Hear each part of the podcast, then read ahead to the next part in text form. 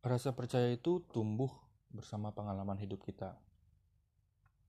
Ketika kita bekerja sama dengan orang lain, bersosialisasi dengan orang lain, awalnya mungkin aja kita menyaksikan kemampuan uh, orang itu, orang lain itu, menyaksikan uh, kemampuannya, potensi dirinya, kebisaannya.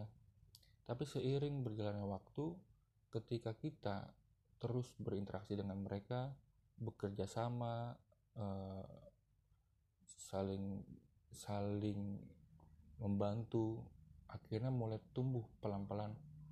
Oh ternyata dia bisa ya tumbuh tuh rasa rasa percaya kita kepada dia kalau ternyata dia itu punya kemampuan punya kapasitas punya kapabilitas punya integritas juga. Dan dia bisa kita serahkan rasa kepercayaan kita itu ke dia atau tanggung jawab itu ke dia. Dalam mengerjakan tugas-tugas atau pekerjaan-pekerjaan kayak gitu ya. Nah ini juga yang gue alamin antara gue dengan bokap gue. Pada masa dulu ya masa SMA gue tuh uh, aktif tuh di organisasi di luar sekolah gitu. Uh, semacam tongkrongan lah tapi kita organisasiin. Nah orang tua gue seperti orang tua pada umumnya gitu ya menentang uh, anak-anaknya aktif yang begitu-begituan deh. Karena gue rada sepakat juga organisasi yang gue ikutin tongkrongan yang gue ikutin ini masih kurang berfaedah kegiatan-kegiatannya. Ya hanya gitu-gitu aja kurang bermanfaat. Nah dari situ gue berpikir wah ini organisasi ini harus gue bawa ke arah yang lebih baik nih. Uh, supaya kegiatan-kegiatan bermanfaat. Kenapa? Uh, karena yang pertama organisasi ini harus punya impact ke orang lain menurut gue begitu. Nah yang kedua organisasi ini mesti punya citra yang baik juga nih di depan kedua orang tua gue dan gue berharap juga di depan kedua orang tua teman-teman gue juga.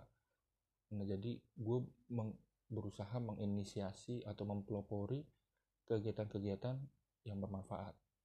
Gue sebagai orang, orang yang Kristen gitu ya gue lumayan banyak menginisiasi kegiatan-kegiatan bahkan yang uh, bernafaskan Islam kayak gitu ya. Contoh misalkan buka bersama. Bikin acara buka bersama di komunitas yang isinya laki-laki semua susah loh susah banget. Misalkan ada perempuannya nah itu lebih gampang tuh karena biasanya perempuan yang uh, cerewetin tapi di depan laki-laki semua syukur gue bisa bawa. Habis itu kegiatan Soron Road. Soron Road oke okay lah gampang lah untuk di uh, bawa ke laki-laki. Tapi sulitnya adalah membuat acara itu menjadi terstruktur rapi nggak ugal-ugalan gitu nggak nggak ribut-ribut. Itu yang cukup menantang. Nah yang berikutnya adalah kegiatan-kegiatan bakti-bakti sosial di panti asuhan. Yang panti asuhannya juga um, panti asuhan panti asuhan yang diasuh secara Islam gitu ya. Nah suatu hari di acara bakti sosial nih gue dihubungin sama bokap.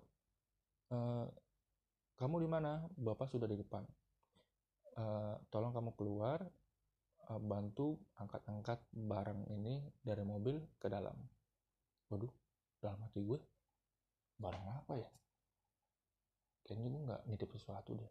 Oke gue keluar gue bawa teman-teman gue karena gue berpikir barangnya banyak gitu ya. Gue keluar ternyata bener.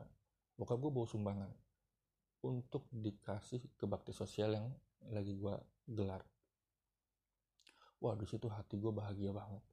Kenapa? Karena apa yang gue bikin ikut menyentuh bokap gue sendiri.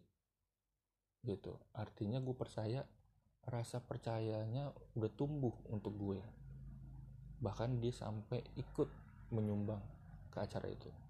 Gitu. Jadi apa pun yang dia sumbang gue gue terima dengan senang hati. Walaupun mungkin nggak besar nggak banyak gitu ya. Tapi gue terima dengan senang hati udah tuh akhirnya gue bawa sama teman-teman gue ke dalam.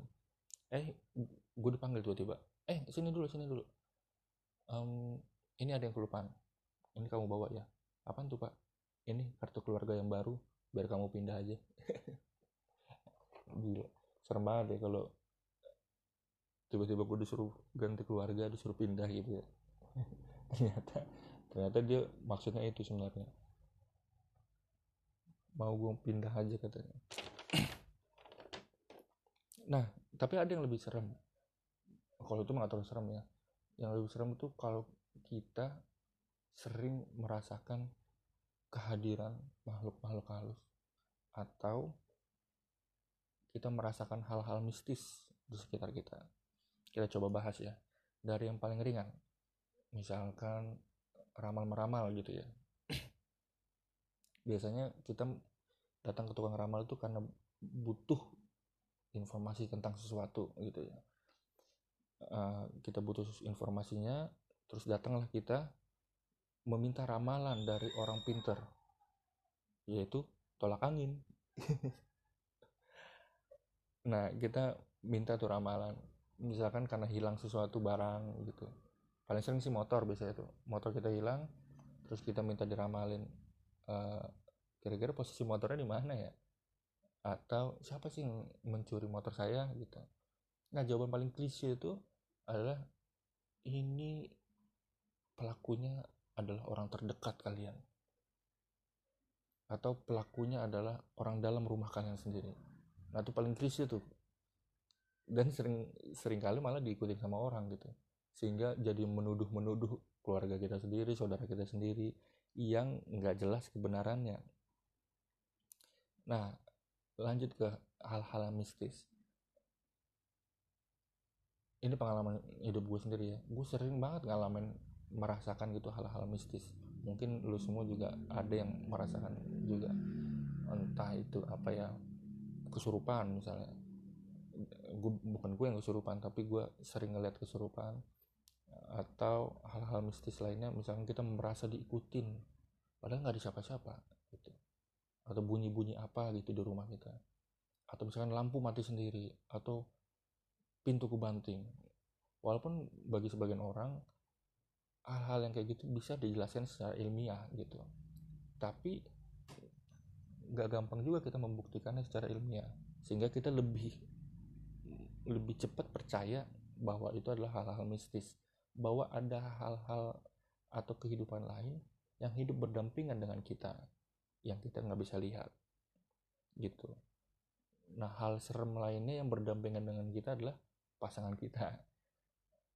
Kalau kita yang punya pasangan gitu ya hidup berdampingan dengan mereka itu serem-serem loh.